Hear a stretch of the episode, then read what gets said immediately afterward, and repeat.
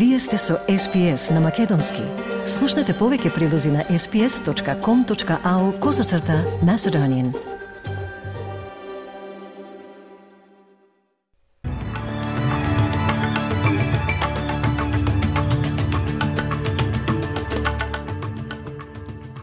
Од денешниот билтен вести издвојуваме. Заедничкиот американско-австралиски договор има за цел да ја подобри регионалната безбедност. Представник на Обединетите нации вели дека ситуацијата во Газа е критична. Власта и опозицијата во Македонија се далеко од договор за заеднички датум за председателските и парламентарните избори и победа од вас према нула за Матилдас против Иран во надпревар од квалификациите за Олимписките игри.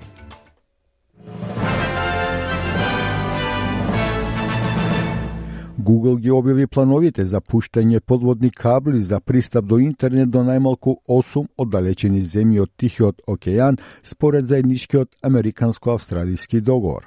Договорот представува проширување на постоечки комерцијален проект од страна на интернет гигантот на нациите во Микронезија, Кирибати, Маршалските острови, Папуа Нова Гвинеја, Соломонските острови, Источен Тимор, Тувалу и Вануату. Премиерот Ентони Албанезе вели дека тоа ќе ја подобри регионалната безбедност и му се заблагодари на американскиот председател Џо Бајден за време на неговата посета на Вашингтон. Thank you, Mr. President, for the work that you've done in uh, persuading legislators uh, to make sure that we put in place uh, the measures that are necessary to encourage that two-way uh, transfer of uh, defence technology uh, that will be at the centre of an agreement that's about peace and security in our region, uh, but also about prosperity in our region as well. Австралија ќе придонесе со 50 милиони долари за проектот, а Соединетите Американски држави ќе додадат уште 15 милиони долари. Представник на Обединетите нации вели дека ситуацијата во Газа е критична, опишувајќи ја како, цитирам, политичка и хуманитарна катастрофа, Затворен цитат. Во интервју за СБС на италијански, специјалната известувачка на Обединетите нации Франческа Албанезе вели дека храната и медицинските материјали се критично ниски и дека голем број жители се раселени поради конфликтот а, без каде да се оди, додека Израел го бомбардира појасот Газа. Господи Албанезе вели дека има очајна потреба од испорака на повеќе материјали за помош. Таа вели дека Обединетите нации не ги прифаќаат тврдењата на Израел дека доколку хуманитарната помош стигне во Газа, таа ќе заврши во рацете на Хамас. Israel has no evidence to say that, and the other thing is that the aid would come under UN supervision. The aid is extremely needed. So uh, the UN have guaranteed that they would supervise anything that enters, and so far just a dozen trucks have have come in, but um, this is a drop in the ocean. Microsoft треба да инвестира 5 милиарди американски долари за да го прошири своето влијание во Австралија, што е единствената најголема инвестиција во 40 годишната историја на Microsoft во земјата. Во првата голема најава за посетата на примерот Ентони Албанезе на Соединетите Американски држави, технолошкиот гигант планира да ја искористи инвестицијата за зајакнување на вештачката интелигенција и инфраструктурата за компјутери во следните две години. Подпредседателот на Microsoft, Бред Смит, вели дека Microsoft ќе искористи инвестицијата во компјутерскиот капацитет и заедно со инженерството што ќе ја зајакне сајбер одбраната на нацијата. Сообштението објавено на конференција во Австралиската амбасада во Вашингтон, чиј домаќин беше поранешниот премиер, а сега амбасадор во САД, Кевин Рад. Господин Албанезе вели дека инвестициите во вештините и работниците во иднина ќе и помогнат на Австралија да ја зајакне својата позиција како водечка економија во светот. We are confronting an ever-changing world. And countries will either move forward and seize the opportunities to create the jobs of the future, to expand in terms of our economic growth, to take advantage of where we are in the world in the fastest growing region of the world in human history just to our north, or countries will go past us. And this investment will help make sure that that doesn't happen. Федералната влада треба да посети дополнителни 2 милиарди долари за критичната индустрија за минерали. Премиерот Ентони Албанези го објави ова во Вашингтон по првиот состанок на работната група меѓу Австралија и САД за критичните минерали. Дополнителните пари ќе го удвојат капацитетот на штотуко формираниот објект за критични минерали за финансирање на искупувањето и преработката на критичните минерали, како што се литиум и кобалт. Владата смета дека овие минерали се клучни за транзицијата кон нето нула емисии, како и за зајакнување на економијата преку снабдување со овие минерали во производниот сектор и во Австралија и во Соединетите Американски држави. Господин Албанезе вели дека не се работи само за искупувањето на овие ресурси.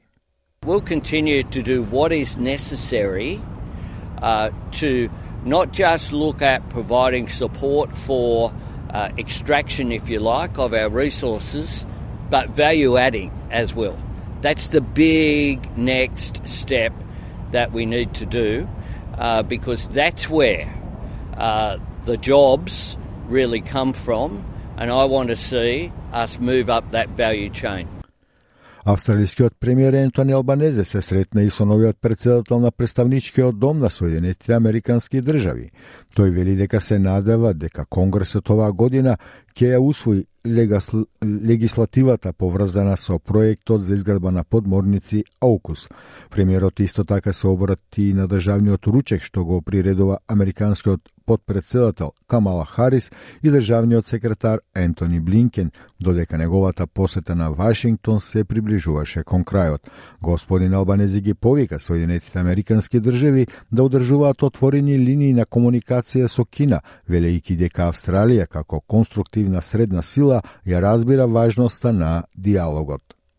The greatness of America has never been confined to your borders. The people of Australia are not looking for a free ride. We're a middle power and we're a leader in our own region.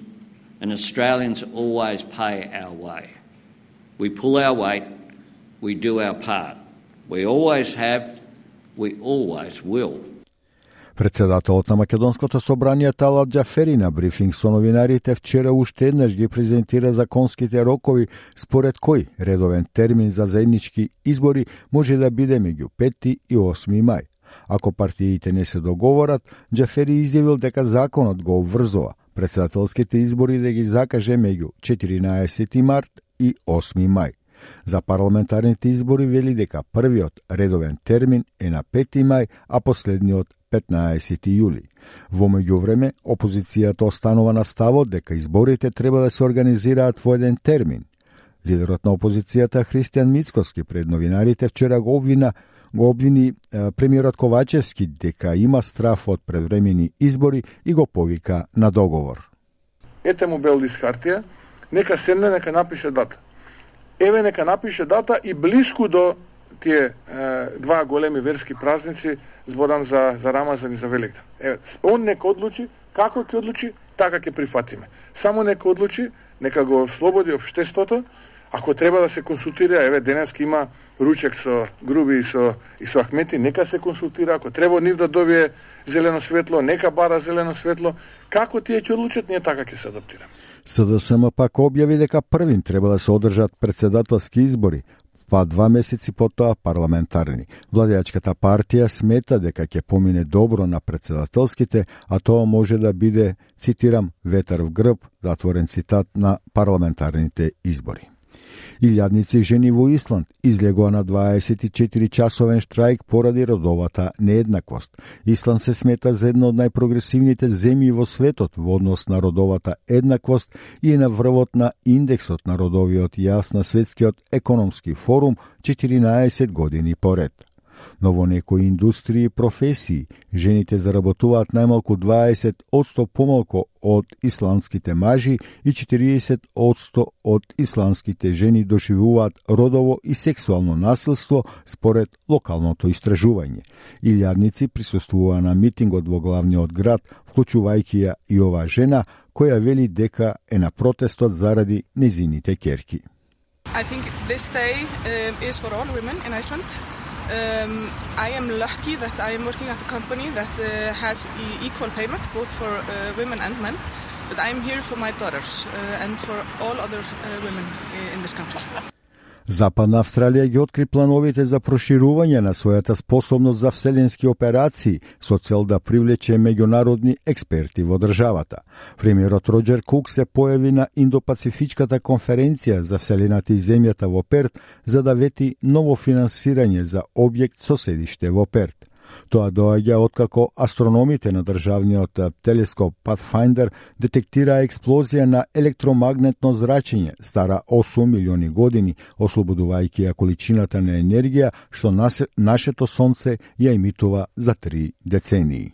The space industry has been identified as one of the eight key industries that we want to continue to grow Western Australian prosperity uh, by continuing to diversify the areas that we work in. Western Australia has a huge capability in space in related industries, uh, growing out of our foundation industries, primary industry, and um, the resources sector. И од спортот, тренерот на Матилдас, Тони Густавсон, ја опиша Мери Фаулер како, цитирам, неверојатно добра по неверојатниот ефект на звездата во поден во нивната победа од 2 спрема 0 на Диран. Се очекуваше Матилдас да победат во олимписките квалификации и покрај тоа што одмараа многу звезди. Но и покрај тоа очекување Австралија имаше водство од 1 спрема 0, кога Густавсон реши да ги внеси во игра по искусните фудбалерки во 65-та минута. Суперзвездата Семкер, Фаулер и Стеф Кейтли беа представени и се представија со голем ефект. Иеко Кер го најде патот до мрежата во 78-та минута за да ја запечати победата на Малтилдас, Фаулер беше најдобрата фудбалерка. Овој навивач присуствуваше на надпреворот со својата керка со име Матилда и задоволен од настапот на австралиските репрезентативки. Awesome game. Tilda, come over. Awesome game. So good. and she saw Sam Kerr score right in front of her. You couldn't get any better than that.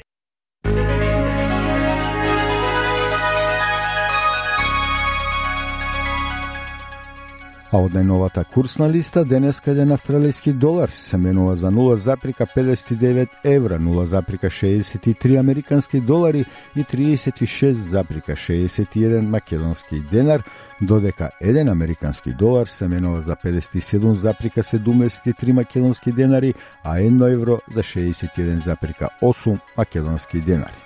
Временската прогноза за поголемите градови во Австралија за сабота. Перт сончево со температура до 26 степени, Аделаид сончево поплане со температура до 24, Мелбурн делумно облачно до 24 степени, Хобарт услови за развој на врнеж од дош до 21 степен, Камера делумно облачно до 20, Сидни исто така делумно облачно до 21 степен, делумно облачно ќе биде и во Бризбен, но со температура до 23 степени. Во Дарвин сончево до 36 и Вале Спринг сончево со температура до до 31 степен.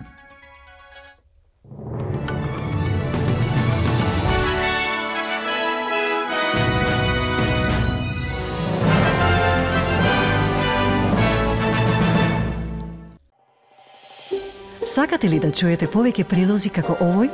Слушате подкаст преку Apple Podcasts, Google Podcasts, Spotify или од каде и да ги добивате вашите подкасти.